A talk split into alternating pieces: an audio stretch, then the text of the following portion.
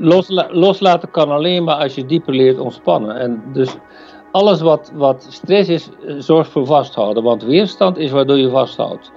Dus het eerste is om, om dieper te leren ontspannen. Maar dat is meer dan, meer dan alleen maar ontspanningsoefening. Je moet dus ook zien wat de stressoorzaken in je leven zijn. Je levensstijl. Of je tegen jezelf leest in welke relaties je zit. Het is alles wat bijdraagt tot stress zorgt voor vasthouden. Welkom bij de Supernova Podcast. Mijn naam is David. Leuk dat je luistert naar deze nieuwe aflevering met Jan Bommeres. Jan is een uh, expert als het gaat over loslaten, over uh, ontspannen, uh, wat geen overbodige luxe is in een door stress geteisterde maatschappij, om het maar even zo te noemen. Ik ga jou heel veel luisterplezier wensen en verder mijn mond houden. Heel veel luisterplezier, dankjewel. Ja, Jan, wij, wij kennen elkaar natuurlijk niet. Nee. Um, ja, pret, prettige kennismaking. Ja, prettige kennismaking. um, maar ik zie wel uit naar dit gesprek. Jij, wa waarom woon jij in Californië trouwens? Ik ben getrouwd met een Amerikaanse. Ah, oké. Okay. Al uh, vrij lang? Ik woon hier sinds 95. Oké. Okay. Ja. Maar je bent van oorsprong ben jij een, een uh, Vlaming? Ja, klopt, ja. En hoe bevalt het in uh, Californië? Ja, klimaat kun je niet veel beter hebben. Uh, we hebben nu, denk ik, de koudste winter sinds wij hier wonen. Oké. Okay. Maar dat is nog altijd niet te vergelijken natuurlijk met Oostkust, Chicago, nee. Europa. Het is uh, vergelijkbaar met uh, Andalusië, denk ik, hè, Californië? Ja, dat denk ik wel. Ja. ja. Droog. Ja, ja, en uh, Zuid, Zuid, Zuid Portugal ook, hè? Ja, ja. Niet ja. verkeerd. Maar jij reist wel re re regelmatig nog op en neer, zeg maar, naar België en Nederland voor lezingen en dergelijke? Of? Ja, regelmatig is niet meer het woord. Nee. Okay. Dus vroeger, helemaal in het begin vloog ik heel veel op en af. En ik, ik wil eigenlijk zoveel mogelijk straks alleen nog maar voor mijn familie op en af vliegen. Ja.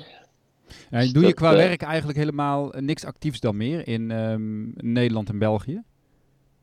Ja, toch wel. Ik doe okay. nog workshops. Hè? Ja. ja. Dus en als ik hier ben, ben ik bezig met mijn nieuwe boek. Met je nieuwe wat? Uh, oh, je boek? Mijn nieuwe boek, ja. Okay. Dat heeft mijn focus op dit moment, ja. En waar gaat het over? Het nieuwe boek, ik weet nog niet goed welke ingang het zal zijn, maar het thema is uh, trauma. Oké. Okay. Maar het is zo'n groot onderwerp, dus ik ben er nu al jaren mee bezig. Dus om even af te leiden waar ik het zal over hebben uh, en niet herhalen wat anderen geschreven hebben, dat, ja. dat vergt dus uh, doorgedreven research, maar natuurlijk ook mijn eigen ervaringen daarin. En, uh, dus ik ga niet schrijven voor ik echt een doorbraak heb. Ja. En trauma, hoe kom je op het onderwerp trauma? Nou ja, ik ben al vrij lang bezig met het onderwerp loslaten. Daar geef mm -hmm. ik workshop over. Maar dus het diepste loslaten gaat eigenlijk over wat bevroren is in ons. En dat heeft meestal te maken met trauma. Maar, maar het is niet alleen trauma in de zin van shocktrauma. Dus ook het, wat men uh, complex trauma noemt of relatietrauma. Ja. En, en wat Reich uh, noemt. Dus bijvoorbeeld gebrek aan zelfexpressie, dat bevriest je ook in zekere mate. Als je niet kunt zeggen wat je wilt zeggen. Ja. Heel veel mensen hebben blokkades in de keel bijvoorbeeld. Ja, omdat ze eigenlijk, omdat er trauma's of angsten onder zitten om uh, zichzelf echt te uiten. Of... Nou ja, als je in een omgeving leeft die bedreigend is en, en je bent bang voor de reacties, dat, dat is op zich, als je constant in een omgeving leeft waar je niet kunt uiten, en dat is voor veel mensen bijvoorbeeld een werkomgeving, ja. dat, is, dat is over langere termijn is dat traumatisch. Ja. Eén keer natuurlijk niet. Dus je altijd maar jezelf moet uh, afremmen. Ja. Nee, dat gaat niet dus werken denk... uiteindelijk. En wat is dan nee. de oplossing daarvoor? Ja, als ik het zou weten. het is, het is uh, zo'n enorm groot onderwerp, want het is ook cultureel bepaald dat wij niet begrijpen wat basisoorzaken van heel veel problemen zijn. Ik ben nu bijvoorbeeld bezig met het hele onderwerp van prenataal en, en perinataal en de oorzaken van de stress in de hele vroege fase van je leven. Nou, dat achtervolgt je je hele leven. Ja. Omdat dan je her hersenen nog aan het groeien zijn. En je hersenen groeien nooit sneller dan tussen je geboorte en drie jaar. Oké. Dan, dan groeien de hersenen exponentieel. Maar natuurlijk binnen de, de baarmoeder is er ook een exponentiële groei van één cel tot Ja. een, heel, een hele baby. Dat zijn exponentiële processen. Dus als die constant onder stress gebeuren, omdat er te veel cortisol is, dan worden dus heel veel structurele dingen eh, scheef aangemaakt van bij het begin. Ja. En die nemen we dan mee in ons, zeg maar, opgroeiende leven uiteindelijk. Ja, en dus wanneer je zenuwstelsel verstoord is, is ook je hormonale stelsel verstoord en per definitie dan ook je immuunsysteem. Ja. Dus en, en dat hele basissysteem, als dat niet in orde is, daar hebben we al de beschavingsziektes van. eh, zoveel dingen die wij op fenomeenniveau behandelen, maar die eigenlijk heel vroeg in ons leven al eh, cultureel niet goed aangepakt worden. Dus ik ben net iets aan het lezen over de gewoonte in het Westen om baby's af te scheiden van hun moeders s'nachts. Ja. Nou, dat, is, dat is op lange termijn is dat echt funest. Ja. Want die, die baby die moet eigenlijk constant de nabijheid van de moeder hebben om zich veilig te voelen. Dus als die zich niet veilig voelt, dan gaat hij huilen. Maar als die apart slapen, kan de moeder dat niet eens horen. Nee. En vaak wordt er nog gezegd, wij hebben toen mijn zoon, die is nu 11, toen die ehm, een baby was, hebben we dat één keer geprobeerd. Hè? Want dat is dan het advies. Nou, je moet je kind 10 minuten laten huilen alleen, want dan houdt het wel Ja. op. Ja, dat dat was, is zo'n 10 fout minuten is lang hoor. 10 minuten is lang. Dus Ja. wij hebben geloof ik, Ja. ehm, wij waren er gelijk klaar mee. Dus vanaf dat moment sliep hij bij ons op de kamer. Maar dan, dan denk je wel, ja, hoe ver zijn we dan vervreemd van de natuurlijke gang van zaken? Hè? Ja, ja, ja, absoluut. Maar weet je wat? Dat was voor mijn ouders was dat ook zo, maar ze wisten niet beter. En de artsen vertelden ook dat soort dingen. En ook die hele, er is een hele periode geweest waar borstvoeding werd afgeraden. Stel je voor. Ja, bizar. Ja, echt bizar. Ja. Dat is allemaal in de naam van de wetenschap. Maar je kan dus zeggen van nou heel veel, ehm, eh, hoe, hoe noem je dat dan? Malfunction, zeg maar, in ons volwassen leven, komt Ja. eigenlijk door trauma uit de jeugd. Ja, Of en door als zelfs daar, voor, de, voor de geboorte zelfs. ja, ik ben daar eerst opgekomen door de ACE-studie. Ik weet niet of je daar ooit over gehoord hebt. Nee, zeg maar even. ACE is, en dat staat voor Childhood Experiences. En dat, dat, op, ja, dat, je mond valt open als je dat leest. Dat is een, eh, een relatie tussen wat er in de kindertijd gebeurd is en chronische ziektes na de, na de vijftigste levensjaren. Nou ja, het is onvoorstelbaar. Echt onvoorstelbaar. Het is echt een nieuw paradigma in geneeskunde, maar veel artsen kennen dat nog niet. Ik, ik heb het zelf geïntroduceerd bij een paar artsen. Die hebben daar niks van geleerd in een opleiding. Maar kun je eens even een voorbeeld noemen dan van iets wat, ehm, wat misschien eh, voor veel mensen herkenbaar eh, kan zijn? Ja, het, het hoeft niet veel te zijn. Gewoon wat, je, wat we net besproken hebben. Een, een, een kind wat huilt en, en niet, en niet eh, beantwoord wordt. Dus dan heb je meteen een, gevolgen zoals mijn behoeften stellen niet. Ik, eh, ik eh, word over het hoofd gezien. Ja. Stressniveau wat erbij hoort. Dus het hoeft geen kwaaie bedoeling te hebben. Om traumatisch te zijn. Maar natuurlijk, ja, eh, vroege dingen kunnen ook zijn. In de E-studie bijvoorbeeld wordt ook aangegeven dat dingen die in het gezin gebeuren ook traumatisch kunnen zijn voor het kind. Scheiding van de ouders, eh, een, overlijden, een overlijden heel vroeg in het leven, dat zijn ook traumatische gebeurtenissen. Ja. Ja. Ehm, heb jij, ehm, wat, wat ik eigenlijk interessant vind om iets van jouw persoonlijke verhaal te horen. Ehm, Je bent natuurlijk in het onderwerp loslaten, daar ben je eigenlijk ja, bekend mee geworden in Nederland, ook met een aantal boeken. Eh, nu Ja. heb je het over trauma, maar wat is eigenlijk jouw, jouw transformatieverhaal of eh, jouw, jouw eigen route geweest? Nou ja, dat is, er er is één, één keerpunt, maar er zijn natuurlijk veel momenten hè, in het leven die transformerend zijn. Maar bij Hmm. mij is eigenlijk de meest fundamentele switch gebeurd toen mijn beste vriend overleed. En ik was toen 25 en dat, mijn hele wereld stortte in. En dat was echt een boezemvriend. Ja, Mhm. eh, voor mij, ja, ik kon dat niet vatten. Mhm. Zijn, en wat ik toen vaststelde is dat mijn hele opleiding en opvoeding mij niet had voorbereid op zoiets, op zo'n traumatisch verlies. Dus ik ben daarvan vreselijk in de war geweest. Uh, dat heeft ook mijn, mijn eerste huwelijk behoorlijk verst- verstoord. Dus ik was echt, echt uh, de grond onder mijn voeten kwijt.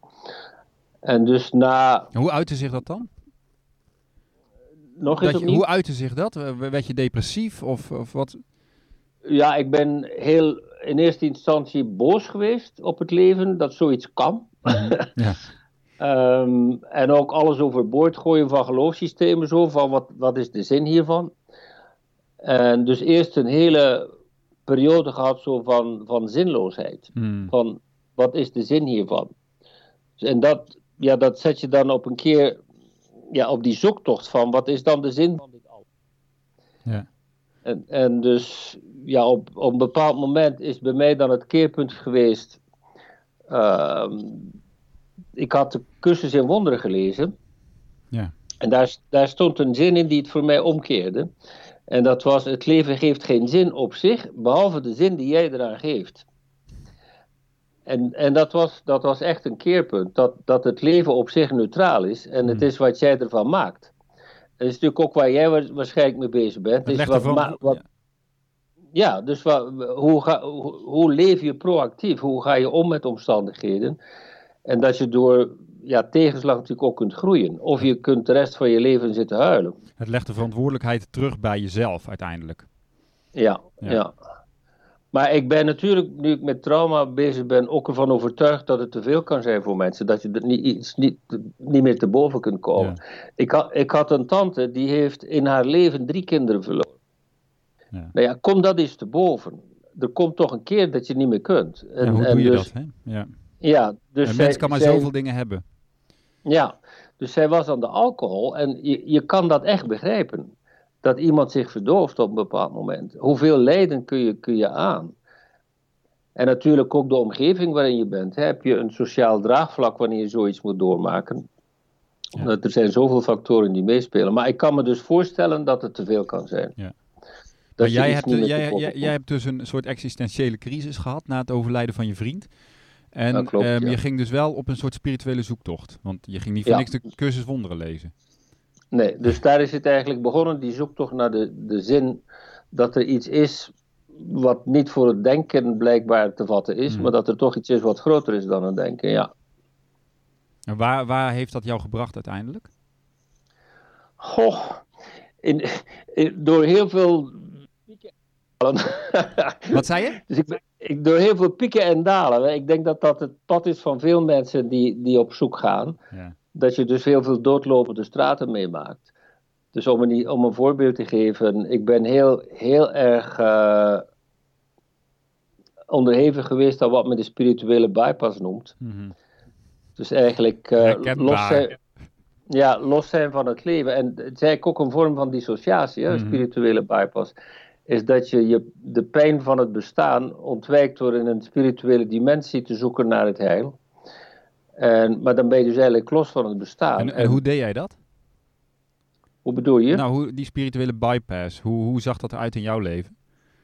Nou ja, dat je dus eh, heel, veel te veel belang hecht aan het, aan het spirituele en uit contact bent met de praktische, praktische zaken. En dat je dus ja, vaak bijvoorbeeld eh, in de relaties niet ziet dat je bij de verkeerde persoon. Ja. En, en dat je geen, geen, geen voldoende grenzen hebt, bijvoorbeeld. Dat mensen je kunnen misbruiken Mhm. omdat je niet in contact bent met wat er is. En dat je niet gelooft dat mensen een kwaaie bedoeling kunnen hebben. Want je bent helemaal in die spirituele gedachte van alles is goed en alles is mooi. En nou ja, Tot niet je wakker wordt en denkt van oké.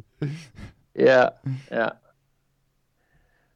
Dus ja, ik, ik, eh, ik heb nogal wat meegemaakt in die zin van eh, dat je mensen vertrouwt die je niet zou moeten vertrouwen, bijvoorbeeld.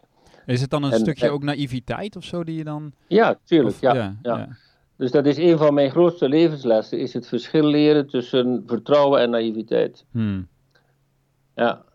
En, En, is ook dat, het hele is- onder... zit dat, zat dat in je? Eh, Een stukje... eh, Naïef kan ook iets heel moois hebben, hè? Ik bedoel, het heeft vaak een negatieve klant, maar het heeft natuurlijk beide dingen. Ehm, ja, maar ik denk dat er een verschil is tussen de onschuld van een kind en de naïviteit van iemand die, eh, ja, die niet gecenterd is. Ja. Bij, bij een kind is dat een, de natuurlijke staat. En ik denk dat de natuurlijke staat van onze ziel is, de, de onschuld. Dat is ook waar Cursus in Wonder het altijd over heeft. Dat, dat, dat je eigenlijk in wezen de onschuld zelf bent.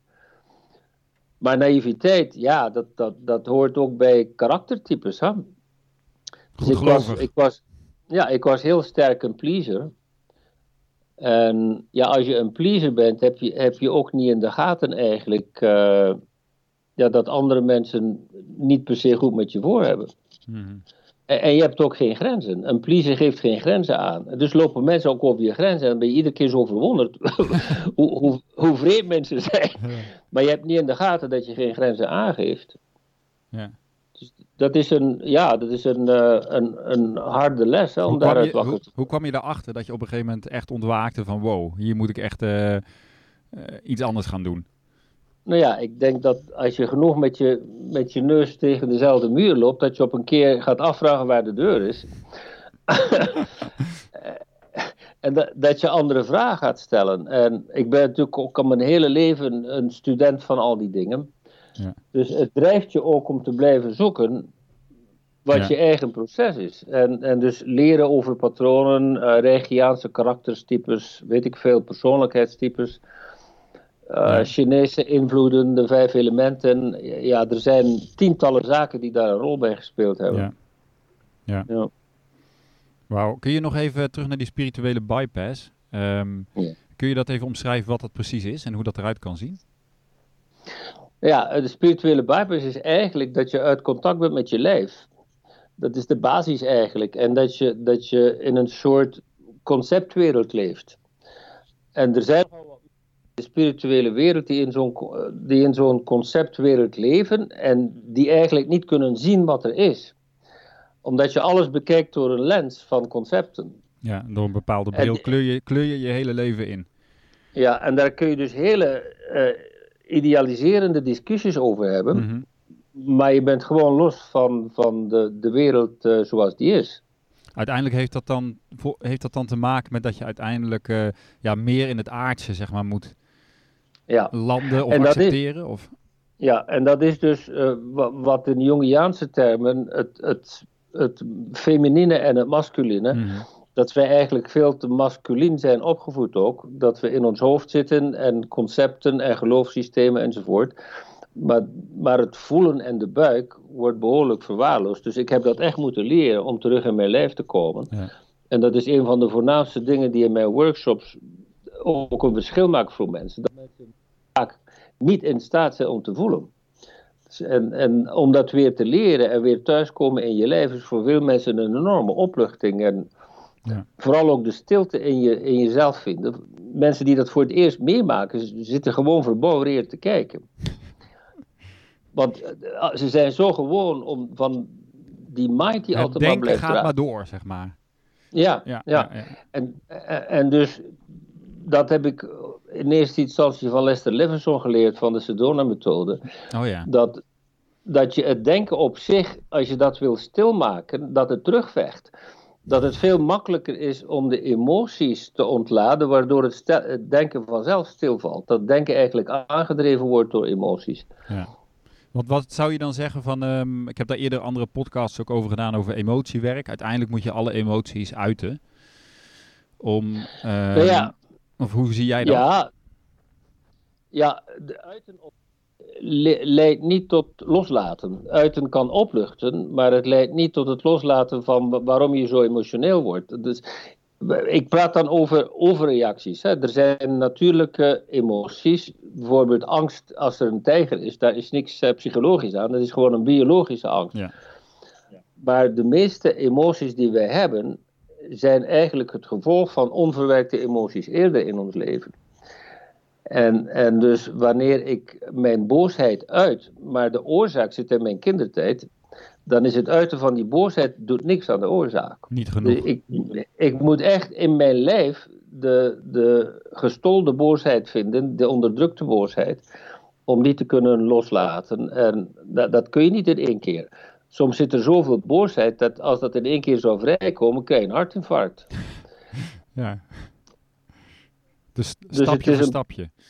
Ja, het is een proces waar je geduld met jezelf moet hebben in steeds diepere laag komt. En hoe ver heeft dat dan te maken met loslaten? Je noemde al de Sedona-methode. De Sedona-methode is een uh, methode, ja, misschien kun je hem even uitleggen, voor wie hem niet kent. Nou ja, het, het heeft dus te maken met, met voelen waar de geblokkeerde energie zit in je lijf. Want het is altijd emotionele energie die daar geblokkeerd zit. En er zijn er dus verschillende technieken om, om dat uh, weer in beweging te brengen. Dus en het komt in wezen altijd neer op het loslaten van de weerstand, waardoor de energie haar natuurlijke pad kan hervatten. Bij de, wil bij de Sedona-methode viel mij heel erg op dat er um, een bewuste je wil heel erg belangrijk is. Hè? Van wil ik dit loslaten? En wil ik dit dan ook nu loslaten? Zijn dan van die vragen die ze dan stellen, hè, geloof ik.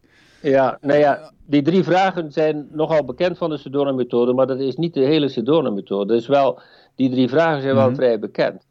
Van, zou ik dit kunnen loslaten? Ben ik ook bereid om dit los te laten? Wanneer? Dat ja. zijn drie vragen.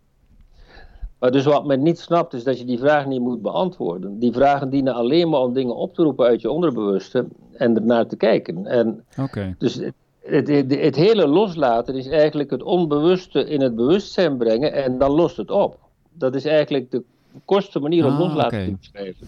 Dat is interessant, ja. Het is dus niet zo dat je moet zeggen van oké, okay, ja, ik laat het nu los en boem. Nee, dat, dat om... kan gewoon niet. Nee. Nee.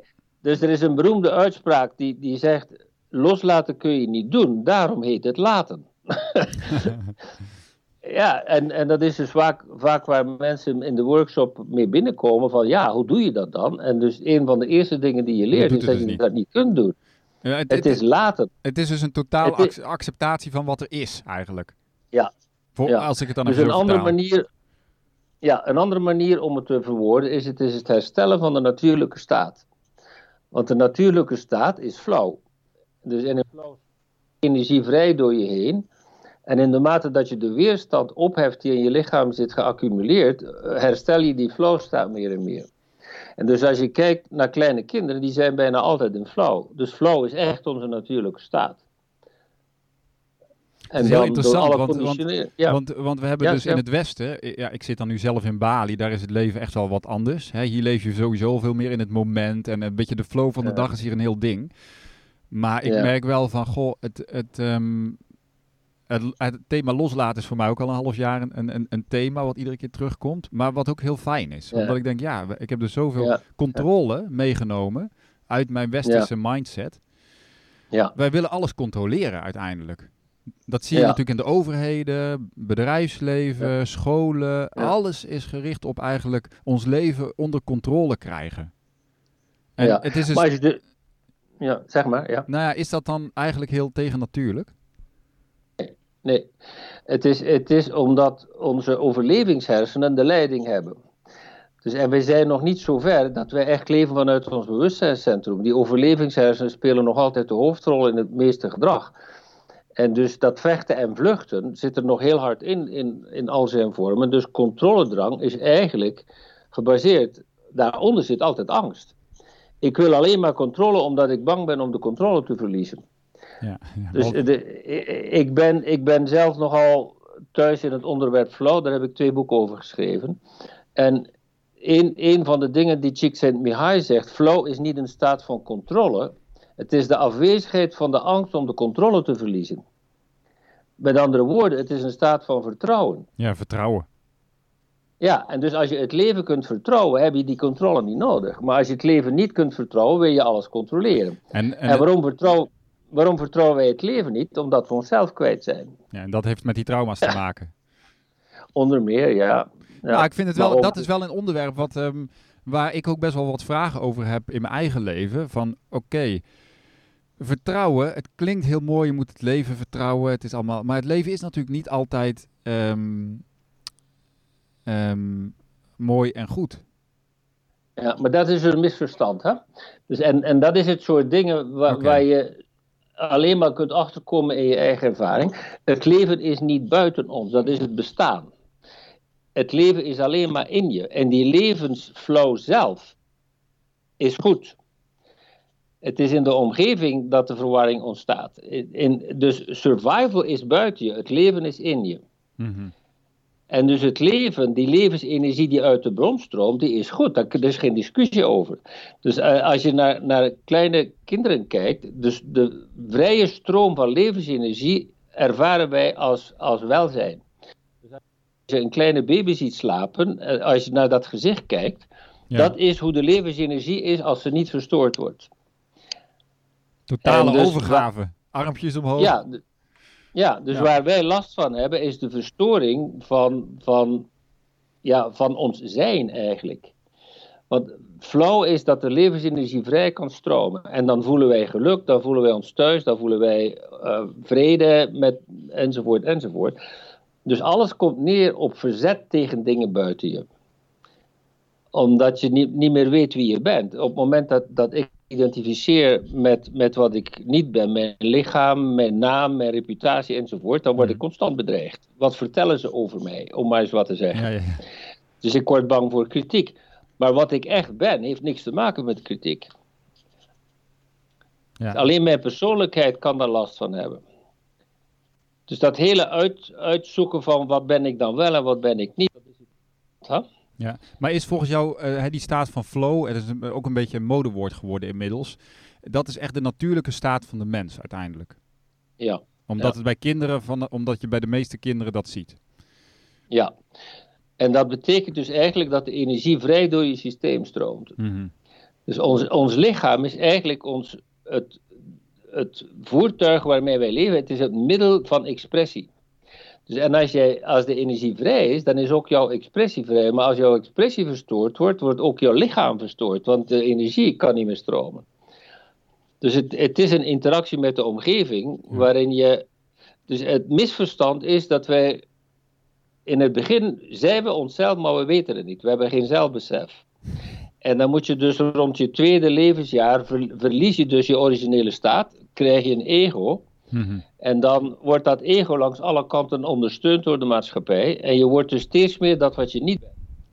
Totdat je op een keer eh, voelt dat daar iets niet meer klopt. En dan, dan ga je dus op zoek naar, Wie ja, naar die originele. Ja. ja, en dus wat in de Bijbel staat, als je niet terug wordt zoals de kinderen, dat is dus eigenlijk waar het over gaat. Die natuurlijke staat terugvinden. Ja. En de praktische kant om daarover te praten is dat dat met het hart natuurlijk te maken heeft. Zolang de hersenen een baas zijn en, en, en de angsten, je instinctieve angsten niet, niet geplaatst worden op de juiste manier, kun je niet in het hart zijn. Zie, kinderen zijn van nature liefhebbend. Die, die moeten niet naar een cursus leren beminnen. Dat is, uh, het is gewoon de natuurlijke staat is dat je intuïtie hebt, dat je dingen aanvoelt, dat je blij bent, tenzij je ziek bent enzovoort. Maar van nature is alles goed. En dan, wij leven in een maatschappij die zeer onbewust is. En, en die dus eigenlijk die originele staat niet je wordt ervan weggeleid. Je wordt eigenlijk van jongs af aan inderdaad weggeleid om dichter bij jezelf te kijken. Maar naar de scholen bijvoorbeeld, of een uh, ja, uh, onderwijssystemen waar we eigenlijk worden klaargestoomd voor een soort werkend leven. Ja, en daar is heel weinig ruimte natuurlijk voor pure expressie van wie je bent. Ja, en we leven dus nu in een tijd waar dat allemaal de andere kant zal opgaan. En dat is dus ook functie van crisis, is om de oude systemen af te breken. Ja. Dus ik ben daar eigenlijk heel optimistisch over dat het allemaal goed komt. Ja. het ziet er niet zo uit, maar het leven is een heel intelligent systeem. Het, het komt allemaal goed. Alleen misschien niet volgend jaar, maar het komt wel goed. Um, het komt goed. Hè? Ehm, dat kun, je, kun je dat ook tegen iemand zeggen die dus in, door een crisis heen gaat? Nou ja, het, het eerste is, is accepteren dat je in de crisis zit. Hè? En dat is vaak waarom de crisis blijft. Kijk, de beroemde uitspraak: what you resist, persist. Mm Dus als je niet accepteert wat je voelt, dan blijf je erin vastzitten. Dus het, het accepteren dat je even de pedalen kwijt bent en, en dat je even uh, pas op de plaats moet maken. En soms dwingt het leven je om, om uh, even te stoppen. Nou ja, als je blijft verzetten, dan kom je er niet uit. En, en, dat zijn allemaal zaken waarin mensen meestal niet goed begeleid worden. In, in, in, plaats van te kijken wat er aan de hand is, wordt er vaak op de fenomenen gewerkt en, en krijg je pillen of, of wat dan ook. Ja. Maar uiteindelijk zeg jij ook van ja, je moet dus wel het moment accepteren. Het moment dat, je, dat er een crisis is of je, hebt even een, uh, je ziet het even niet meer zitten, ik noem maar iets, hè, dan moet je dat wel kunnen accepteren dat dat zo is. Ja, dat betekent niet dat je niet mag wensen dat het anders wordt. Mm Daar bestaat ook verwarring over. Er zijn mensen die denken dat acceptatie betekent dat je opgeeft. Acceptatie is een bewuste, actieve staat.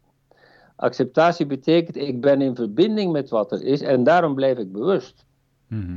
Als ik in verzet ga, word ik onbewust. Dus acceptatie betekent eigenlijk, ik ben bewust van wat er nu is, ook in mijn emotionele uh, constellatie, wat ik nu voel, ik ben daar bewust van. En ik, dan krijg ik die emoties niet de leiding. Ja. Dus als ik, als ik niet bewust ben van wat ik voel, dan gaan die gevoelens bepalen wat ik denk, wat ik doe, wat ik zeg enzovoort.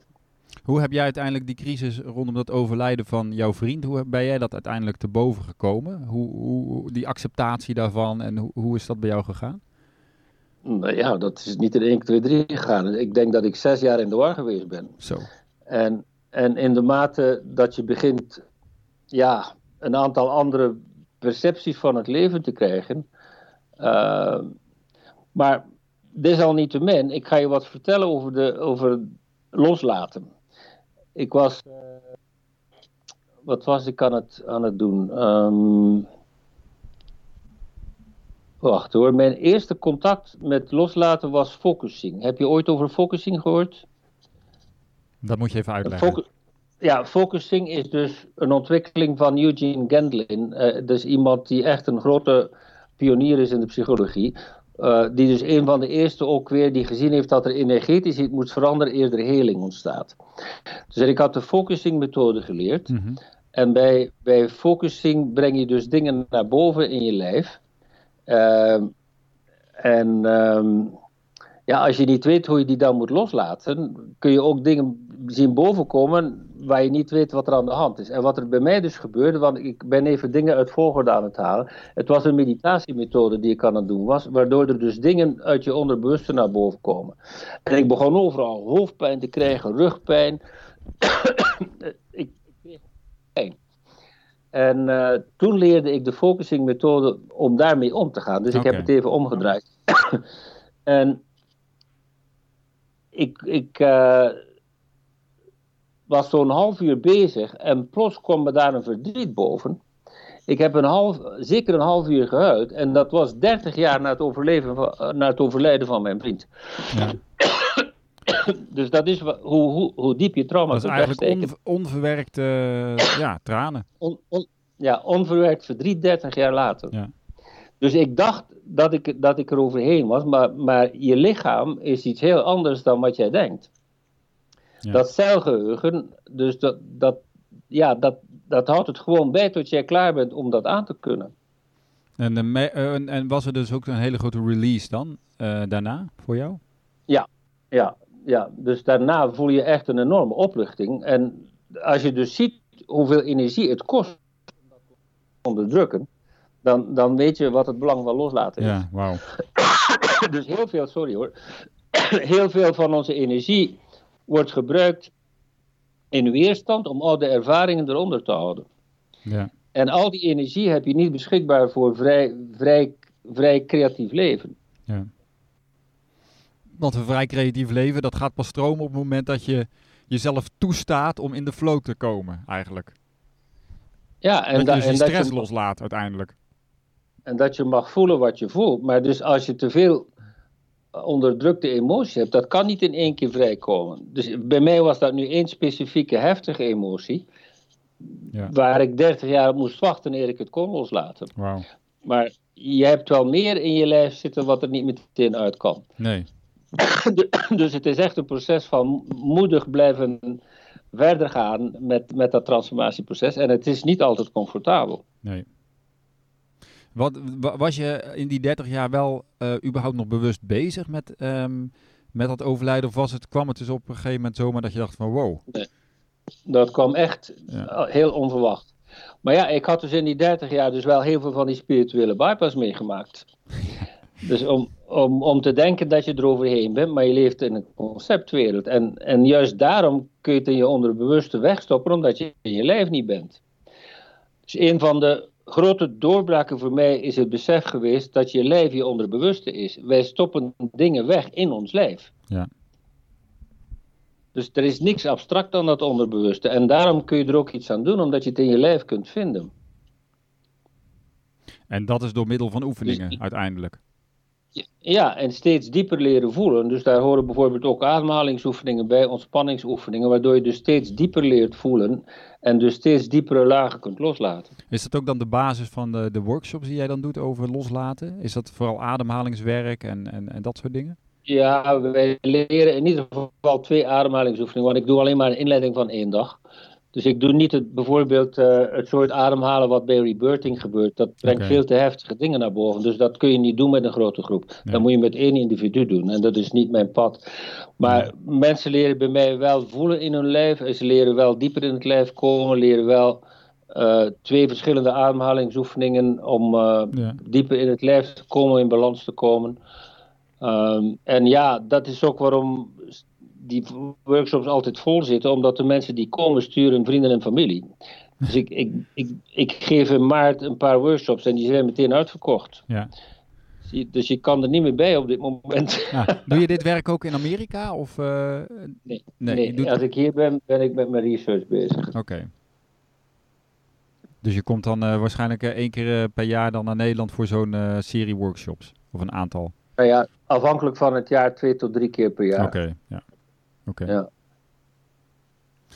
Um, even naar um, een ander onderwerp. Dat is um, Napoleon Hill. Ja. Daar heb jij, jij hebt iets met Napoleon Hill en met zijn boek.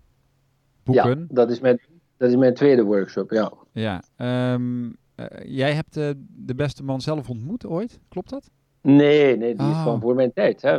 Maar ja, hij is, hij is overleden in 1907, dus ik had, theoretisch had ik hem kunnen ontmoeten. Um, maar nee, dus ik, ik heb hem maar leren kennen begin tachtiger jaren. Oké, okay, en dat is natuurlijk zijn, zijn, bekendste werk is natuurlijk Think and Grow Rich. Dat is niet het eerste wat ik gelezen heb, okay. maar dat is wel het meest bekende, ja. Dus zijn eerste boek was The Law of Success. Oké, okay, die, die ken ik dat, dan niet eens eigenlijk. Dat, dat is wat ik eerst gelezen heb en dat is dus een vrij dik boek. Oké. Uh, en maar dat, dat, was zijn originele werk. En, en uh, dat komt, wacht, 1917.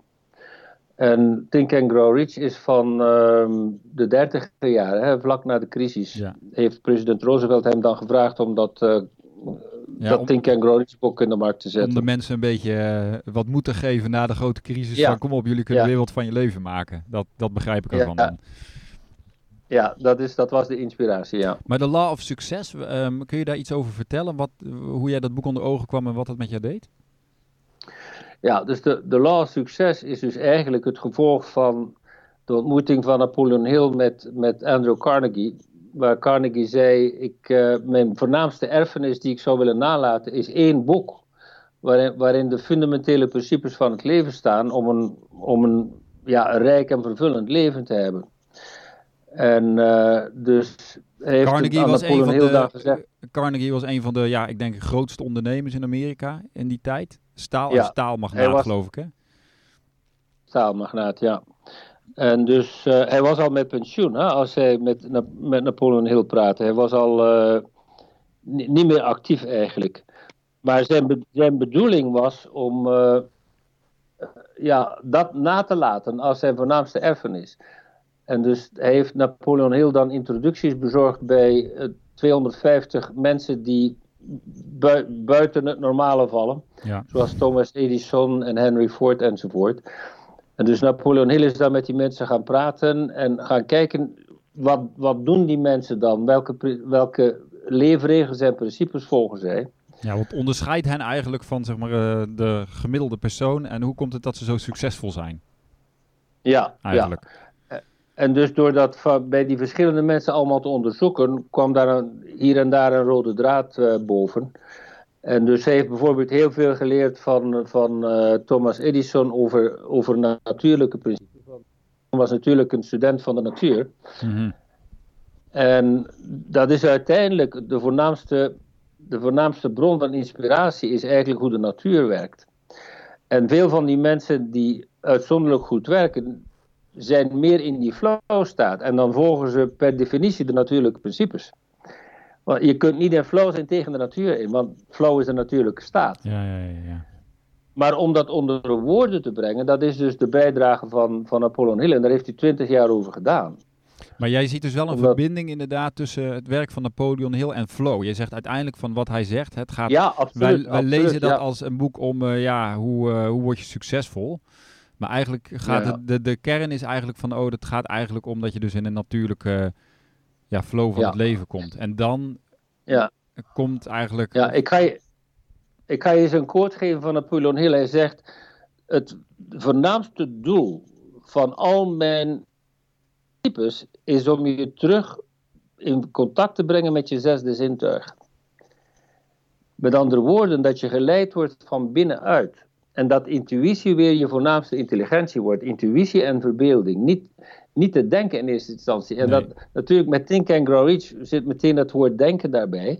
Maar eigenlijk wil hij dat je voorbij het denken komt. En, en dat je weer kunt op basis van intuïtie en verbeelding leven. En het denken is dan een die. En dus die ideeën komen van voorbij het denken. En dus vandaar het, het, belang van verbeelding en het belang van intuïtie. En dus het volgen van de innerlijke wijsheid, die uiteindelijk de wijsheid van je diepere zelf. En, en ja, dus dat werk van Napoleon Hill, dat, dat heeft 100 miljoen mensen bereikt. Maar er zijn natuurlijk niet 100 miljoen mensen die het toepassen, want het is heel veel eisend. Ja. Ik, ik, weet, ik weet niet of je weet dat er recent een uh, film gemaakt is van uh, Think and Grow Rich. Nee. Uh, het heet Think and Grow Rich, The Legacy. En ik heb die gisteren nog een keer opnieuw bekeken. je kan hem huren online. Okay. Think and Grow Rich, The Legacy. Het is de moeite waard. Het is goed gemaakt, de film. Ja, en daar zei iemand in... die principes kennen is niet genoeg. Je moet er meesterschap in verwerven. En dat duurt jaren. Ja. Dus het ondoen van de conditioneringen, dat je dus de hele tijd uh, geconditioneerd bent om weg te gaan van je diepere zelf. Dat, dat teruggaan naar ja, gewoontes die ervoor zorgen dat je je diepere zelf eigenlijk de leiding kan nemen. Dat is ook een beetje waar Stephen Covey het over heeft hè, met zijn effective habits. Ja. Het ontwikkelen van die gewoontes, dat gaat niet in 1, 2, 3.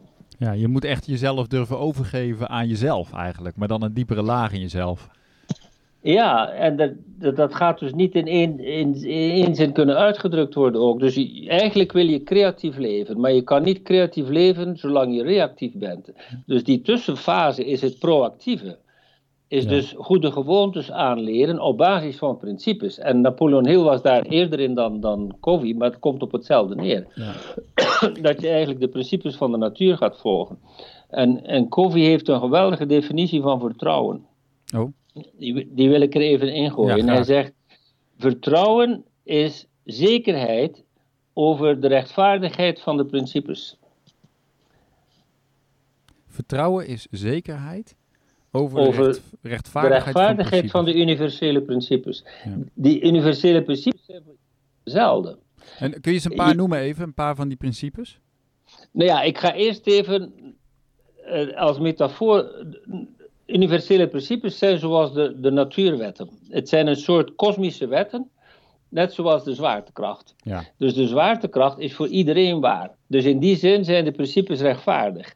Maar je kan dus met de zwaartekracht leren werken en een sloophamer ontwikkelen bijvoorbeeld. Ja. Dus één keer je een principe kent, moet je er leren mee werken.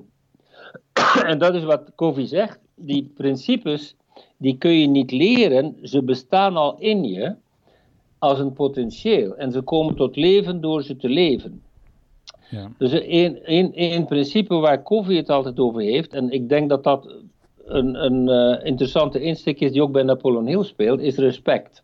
Mm Dus als je andere mensen niet respecteert, je respecteert een gegeven woord niet, je respecteert verschillen niet enzovoort, vooral harmonie. En flow is een staat van harmonie. Mm Dus het, ik zeg soms, als wij alleen dit principe allemaal zouden toepassen, waren er geen problemen meer. Ja. Als iedereen respectvol zou omgaan met de natuur, met afspraken, met verschillen, met, met systemen enzovoort, dan waren we klaar. En dat is de kracht van één principe. Ja, best wel bizar ja, als je erover nadenkt. Dus en als je bijvoorbeeld kijkt, vertrouwen is een principe als je kijkt wat de kracht van vertrouwen is, wel kijk eens wat verstoord vertrouwen met de aandelenmarkt doet. Tja. En wat vertrouwen in relaties doet. Dus vertrouwen is eigenlijk datgene wat de relatie mogelijk maakt. dat is de kracht van principes. Maar welke, welke uh, natuurwet zit er achter vertrouwen? Het is een kosmisch principe.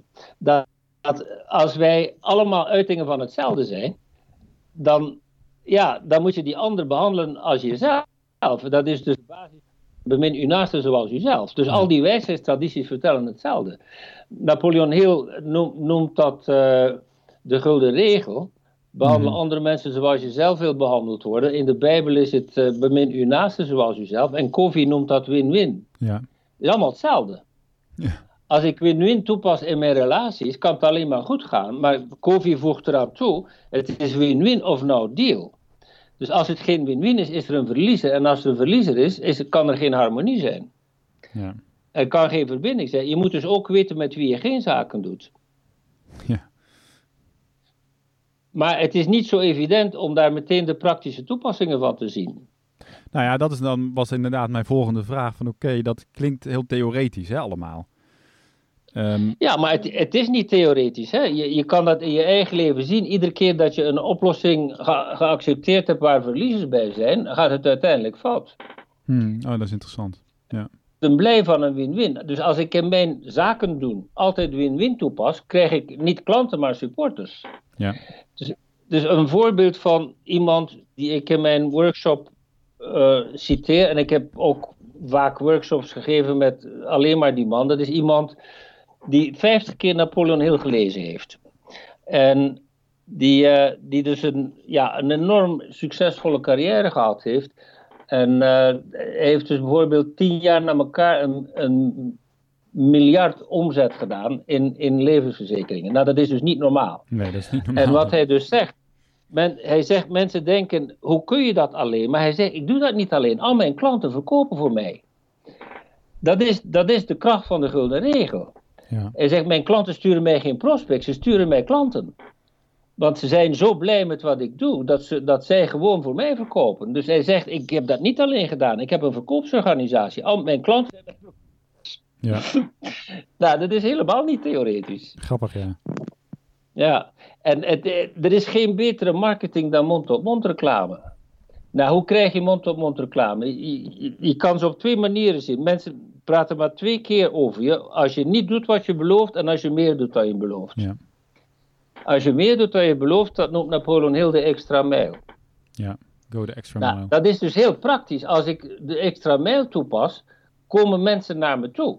Als ik mijn beloftes niet hou, verlies ik klanten. En in deze wereld is dat nog veel erger, want op sociale media word je meteen afgebroken als je, als je niet doet wat je belooft. Ja. De sociale media zijn een soort schandpaal tegenwoordig. Als je niet je beloftes houdt, dan, dan ja, kan dat zo in, in netwerken zich verspreiden. Dat je, met die moet je geen zaken doen, zeggen mensen dan. Ja. Kun je nog eens een paar van die zakelijke principes noemen? Van, uh, die uit Napoleon Hill zijn boeken zeg maar, uh, voren komen? Nou ja, het eerste waar hij mee begint is dat je dus een, eh, een overkoepelend doel moet hebben. Dat je richting moet hebben met je leven. Dat je dus niet van, van hot naar her moet springen. Dat je dus eerst iets moet hebben wat klopt voor jou. Wat zin geeft aan je leven, maar wat ook klopt met jouw talenten. Dus doen waarvoor je op aarde bent, dat is het eerste principe. Ja. En, en daar worden wij dat is gelijk de moeilijkste, toch? ja, dus en wat je dus ziet is dat sporters en artiesten dat meestal van kinds af weten. En dat de rest van ons dat veel moeilijker vindt. Ja. Maar je, of we weten het wel, maar we doen het niet. Tenminste, dat is dan mijn verhaal. Stiekem wel weten, maar, maar dan, het duurt dan toch wel tien jaar voordat ik een keer dacht van ja, nu moet ik toch echt aan mezelf gaan denken. Ja, ja en natuurlijk, we leven ook in een maatschappij die dat niet ondersteunt. Dat, je wordt eigenlijk niet geholpen om je dromen te leven, je wordt klaargestoomd om in een systeem te passen. Ja. Dus vandaar, dat, zolang je eh, meedoet met het collectief, kun je dat niet. Je moet dus echt je eigen, uh, je eigen pad banen. En dat is dus allemaal niet zo makkelijk als het klinkt, hè? Nee, dat, uh, dat klopt. maar dan moet je dus weer vertrouwen hebben. Je moet uiteindelijk, want dat is allemaal vertrouwen. Je moet uiteindelijk vertrouwen hebben dat, oké, eh, als ik dan gewoon even heel dicht bij mezelf hou, ik heb vertrouwen gehad, moeten hebben om te zeggen, ik ga die stap wagen om met mijn gezin naar het buitenland te gaan, bijvoorbeeld. Dat is allemaal uiteindelijk vertrouwen. En om, omdat ik wel wist van, ah, dit is wat ik moet doen. Ja. Ja. Ehm, maar goed, dan, moet je op een bepaalde manier moet je daar wel klaar voor zijn. Wat het ook is hè, voor iemand. Ja, ja, ja. En, en daar heb je ook weer het verschil tussen vertrouwen en naïviteit. Dus mensen die in de spirituele bypass zitten, die lijden vaak aan magisch denken. Het magisch denken van een kind, zo dat uh, als, ik, als ik maar vertrouw, komt het allemaal goed. Uh, maar je moet ook nog actie nemen. Je moet ook nog zien wat de situatie is waar je nu in zit. Ja. Dus, dus, als ik nu in een situatie rekening niet kan betalen, is dat mijn eerste behoefte om uit de survival modus te komen. Ja. Ja. Dus je moet altijd beginnen waar je bent, maar je moet wel weten waar je naartoe gaat, zegt Napoleon Hill. Ja. Dus als je richting klopt, dan ga je ook in beweging komen. Want dan ga je ook energie hebben om, om uit de, de dingen te komen waar je nu in vast zit. Nou ja, dan weet je, dan weet je wat je moet doen uiteindelijk. Want dat is het dan. Van weten wat je moet doen en dan, en dan vertrouwen hebben dat dat goed is. Ja, maar dat je ook de energie in jezelf vrijmaakt om om te gaan met, je, met waar je nu in vast zit. Hmm. Omdat je weet waar je naartoe gaat. Je hebt iets, iets om naar uit te kijken. En dat is vaak een verwarring waar mensen in zitten met dat leven in het nu. Dat je alleen maar in het nu bent, maar je kunt natuurlijk ook vooruitdenken in het nu. Ja. En als je, iets, als je iets hebt om naar uit te kijken, voel je je ook beter in het nu. Dus dat, dat spreekt allemaal elkaar niet tegen. Nee, precies. Nou, het, is natuurlijk dus wel, ja, het zijn natuurlijk interessante dingen om um, te kijken van hoe, hoe krijg je het plaatje rond. Hè? Van um, ja, in het nu zijn. Tegelijkertijd wil je ook je leven plannen. Tot op zekere hoogte. Je hebt bepaalde doelen waar je naartoe wil. En dat moet zich op de een of andere manier moet dat allemaal wel passen, zeg maar. Dat moet ook kloppend plaatje worden. Ja, maar daar zijn we dus veel te afhankelijk van ons denken en onze controledrang. En daar loopt het dan meestal vast. Dus als, als mijn richting klopt en ik vind de stilte in mezelf, dan krijg ik de inspiratie voor de volgende stap. Maar ik moet niet willen tien stappen vooruit denken, want dan ben ik weer in een controledrang. Mm dus, dus kunnen accepteren dat het pad zich ontplooit door het te lopen, dat is eigenlijk waar vertrouwen en flow over gaat. Ja.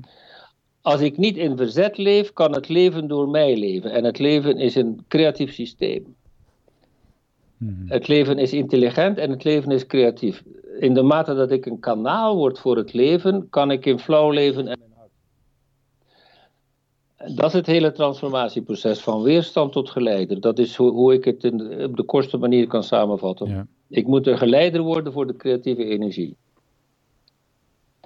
Maar ik kan niets doen wat niet als een potentieel in mij zit. En dat is dus ik, wanneer ik een, een zaadje heb voor een rozenplant, dan zal daar geen tulp uitkomen. Nee. Dus, dus wij zijn per definitie een potentieel. En ons individuele potentieel heeft te maken met onze talenten. En, en daar hoort ons doel bij. En je kan niet ontplooien wat niet in je zit.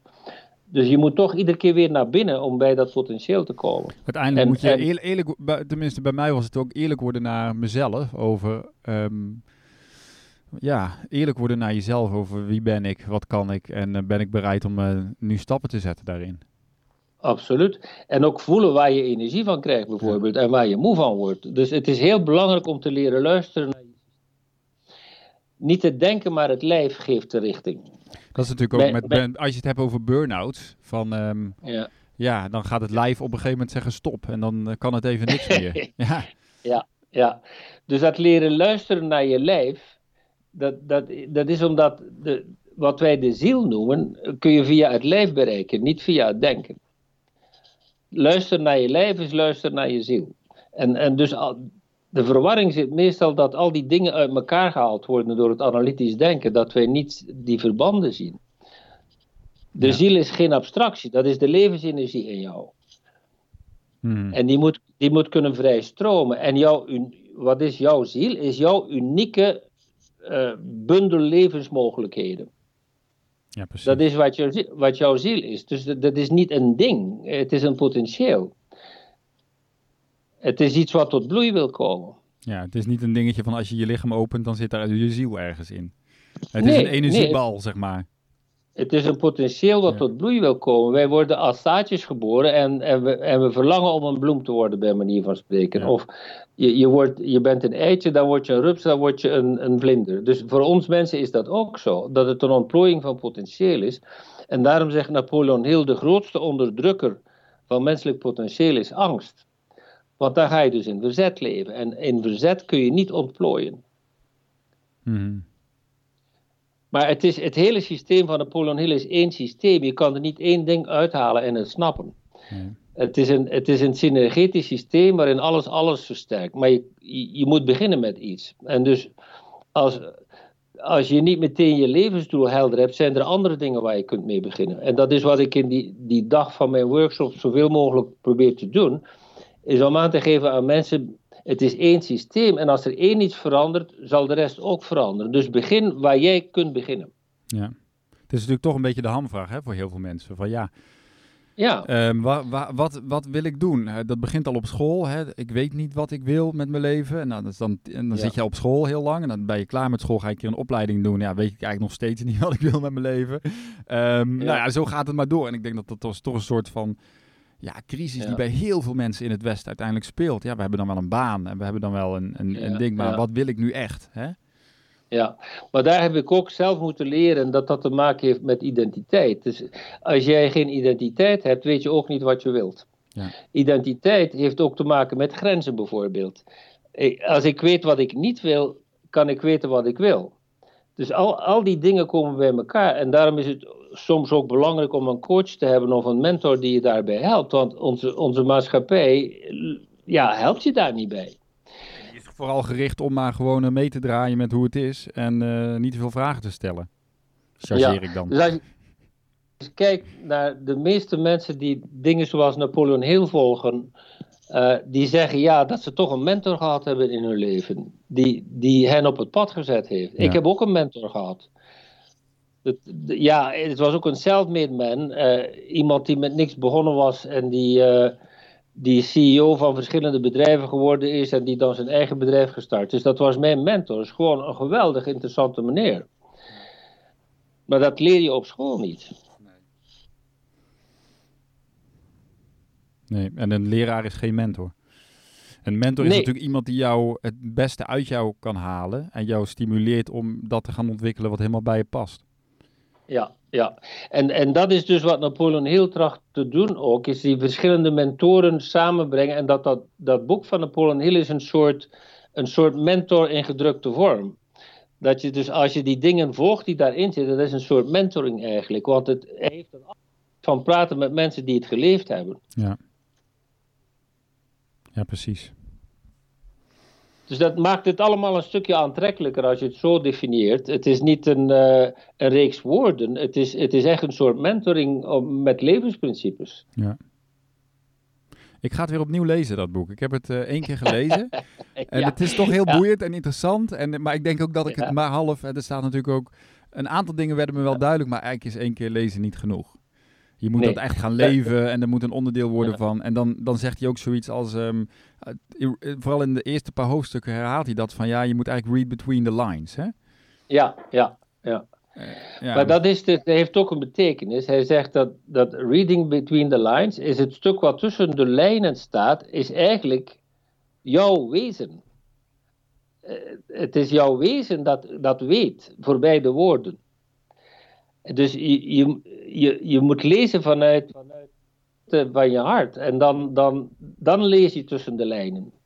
Ja. Dat is niet letterlijk tussen de lijnen. Het, het, is de leegte invullen met jouw eigen identiteit. Ja, nou wat ik zo grappig vind, het is natuurlijk eigenlijk een heel zakelijk boek. Het wordt vooral als een soort zakenboek of managementboek of ja, succesboek gezien. Maar het is eigenlijk ook een heel spiritueel boek. Want het gaat vooral over hè, die, die, die onderliggende laag. Oh, absoluut. Ja, maar weet je wat? Hij is later in zijn leven is hij nog van richting veranderd en daar begin ik mijn workshop mee. Oh. Hij heeft, hij heeft uh, eh, 30 jaar later heeft hij een ander boekje geschreven, wat bijna niemand gelezen heeft. En dat, dat gaat over innerlijke vrede. En, en dat is dus eigenlijk waar het allemaal over gaat. Dat is eigenlijk waar we naar verlangen. We verlangen naar ons, naar ons huis. En onze thuis is innerlijke vrede. Ja, en dus dat, dat, dat boek is heel spiritueel, want op het laatst van zijn leven was Napoleon heel geïnteresseerd in Tibetaans boeddhisme en, en, de, en de wijsheid van het hart. En dat is toch nog een andere insteek dan Think and Grow Rich. Ja, nou ja, het doel van Think and Grow Rich is natuurlijk nog steeds om mensen te laten zien hoe je, en dat is natuurlijk ook heel Amerikaans, uh, het is toch een self-made man, hoe je succesvol kan worden. Daar pakt hij natuurlijk wel spirituele principes in, maar dat was natuurlijk het doel van het boek. Wat ook mooi was, als je, het, als je het leest in het licht van een depressie, dan geeft hij de gewone burger geeft hij echt wel moed. Ja, maar hij maakt toch ook wel duidelijk in zijn lezing. En Napoleon Hill is veel meer dan dat ene boek. Dat is een soort, Ja. eh, een soort korte handleiding. Maar Napoleon Hill zegt eigenlijk: de definitie van succes is het leven kunnen leven wat jij wilt leven, zonder schade te berokkenen aan anderen. Hmm. En dat vind ik de beste definitie. Het gaat niet over geld. Het gaat over wat wil jij maken van je leven. Ja. En dat is niet voor iedereen een bedrijf bouwen. Maar je moet wel een leven bouwen wat voor jou zinvol en vervullend is. En daar gaat Napoleon heel over. Dus het is een Ja, misvatting en, dan is het ook, en dan is het ook toepasbaar voor over iedereen. rich. Ja. Ja, het is niet rich in de termen van geld alleen. Het is rijk en vervullend. En een leven waar je blij van wordt. Maar ook rijk in relaties, in gezondheid enzovoort. Ja. Dat wordt ook in de film heel duidelijk gemaakt hoor. De, de film Think and Grow Rich, The Legacy. Uh, voor 24,50 dollar kun je hem huren. Het is echt de moeite waard hoor. Om, om, om hem te- uh, je kan hem ook kopen trouwens. Ik heb hem gekocht, dan kun je hem zoveel keer bekijken als je wil. En dat is de moeite waard. Ja, absoluut. Oké, nou interessant. Ja, het is wel interessant om die link te leggen naar. Het gaat natuurlijk om een vervullend leven leiden. Daar, daar gaat het. We willen allemaal een Absoluut. vervullend leven hebben. Een leven waar we ja, Ja. Gelukkig, gelukkig, maar ook eh, zingeving hebben. Ja, maar kijk eens naar zijn definitie, hoe mooi dat is. Het leven kunnen leven wat jij wilt leven, zonder schade te berokkenen aan anderen. Dus die, die gulden regel zit daar ook al in. Ja. Het is win-win of no deal. En je ziet dus dat heel veel mensen succesvol worden, maar geen relatieleven hebben of, of hun gezondheid om zeep helpen. Ja, Dus het is win-win ook in de, de verschillende domeinen van je leven. Je, eh, succesvol worden en kapot gaan van de stress, dat is geen rijk en vervullend leven. nee. Mooi hoe die balans dan eh, terugkomt. Ja. Ja, absoluut, eh, absoluut. En daarom moet je Napoleon heel echt als een systeem zien.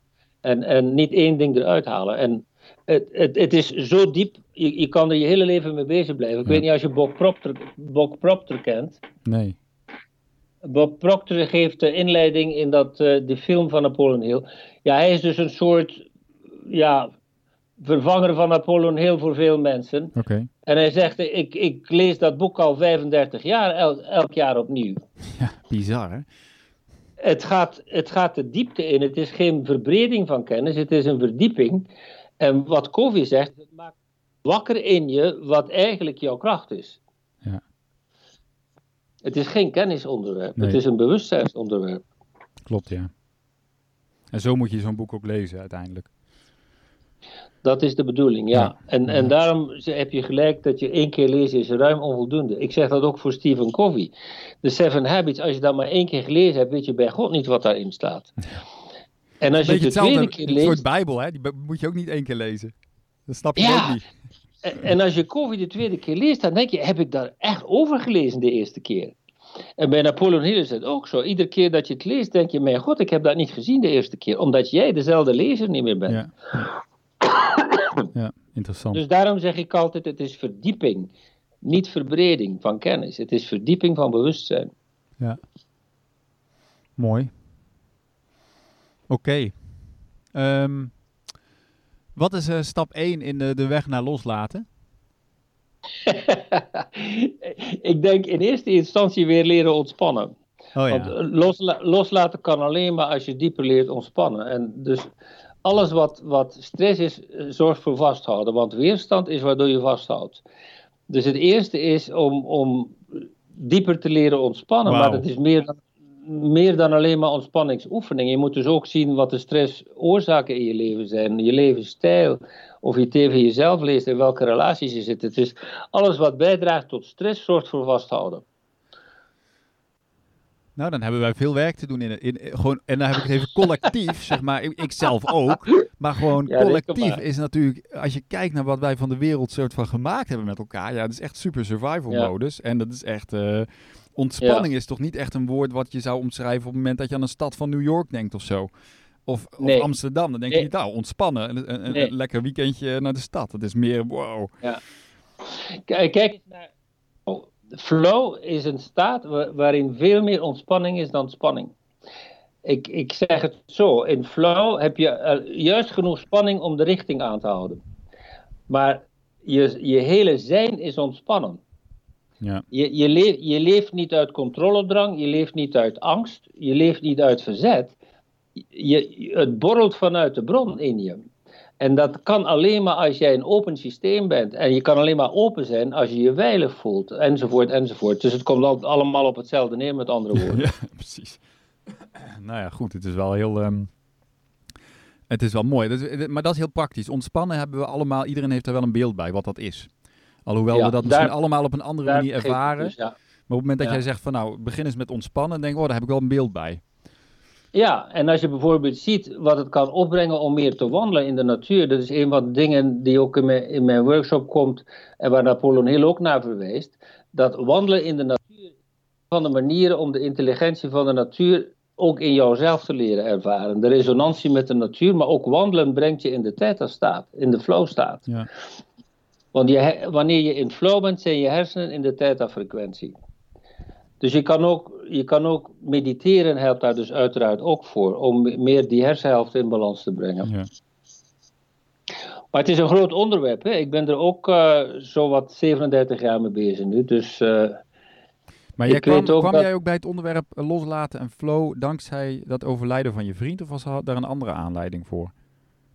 Nou ja, ook om bij, bij, mij, eh, bij mij ook zoeken naar hoe, hoe ik de stress, de chronische strek- stress kon oplossen. Ja. En chronische stress heeft te maken met dingen die je vasthoudt uit het verleden. Mhm. Zo ben ik erbij gekomen. ja.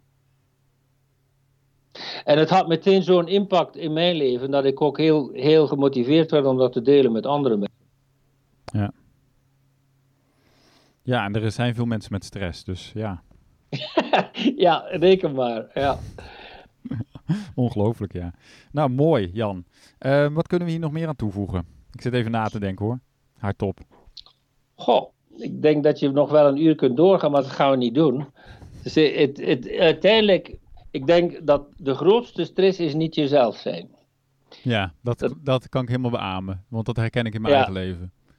Ja, dus in de mate dat Ja. je stress loslaat, word je meer jezelf. In de mate dat je meer jezelf wordt, valt de stress weg. Het werkt in beide richtingen. Ja, En dus wij leven in een maatschappij van vervreemding. En dus je moet het zelf in handen nemen om, om daar iets aan te doen, want het wordt niet voor je gedaan. Wij leven in een onbewuste maatschappij waar alleen individuen uit loskomen. Je, het, het gebeurt niet door groepen. nee. Nee, je moet zelf op het pad gaan van eh, jezelf leren kennen en ehm, uiteindelijk gaan, een weg gaan vinden naar datgene gaan doen wat bij je past. Absoluut. En ik, ik zie wat dat betreft dat de jonge generatie daar veel sneller voor, klaar voor is. Ja. Dat je toch iedere keer weer op de schouders van de vorige generatie kunt staan. Ja, we leven natuurlijk ook niet meer in de, zeg maar, eh, hè, na de oorlog, zullen we maar zeggen, was het natuurlijk vooral opbouw en overleven. En Ja, wat dat betreft zijn we nu natuurlijk ook wel weer op een unieke tijd, zeg maar, waarin we, ja, ook dankzij het internet natuurlijk, waarin we zoveel mogelijkheden hebben. Absoluut.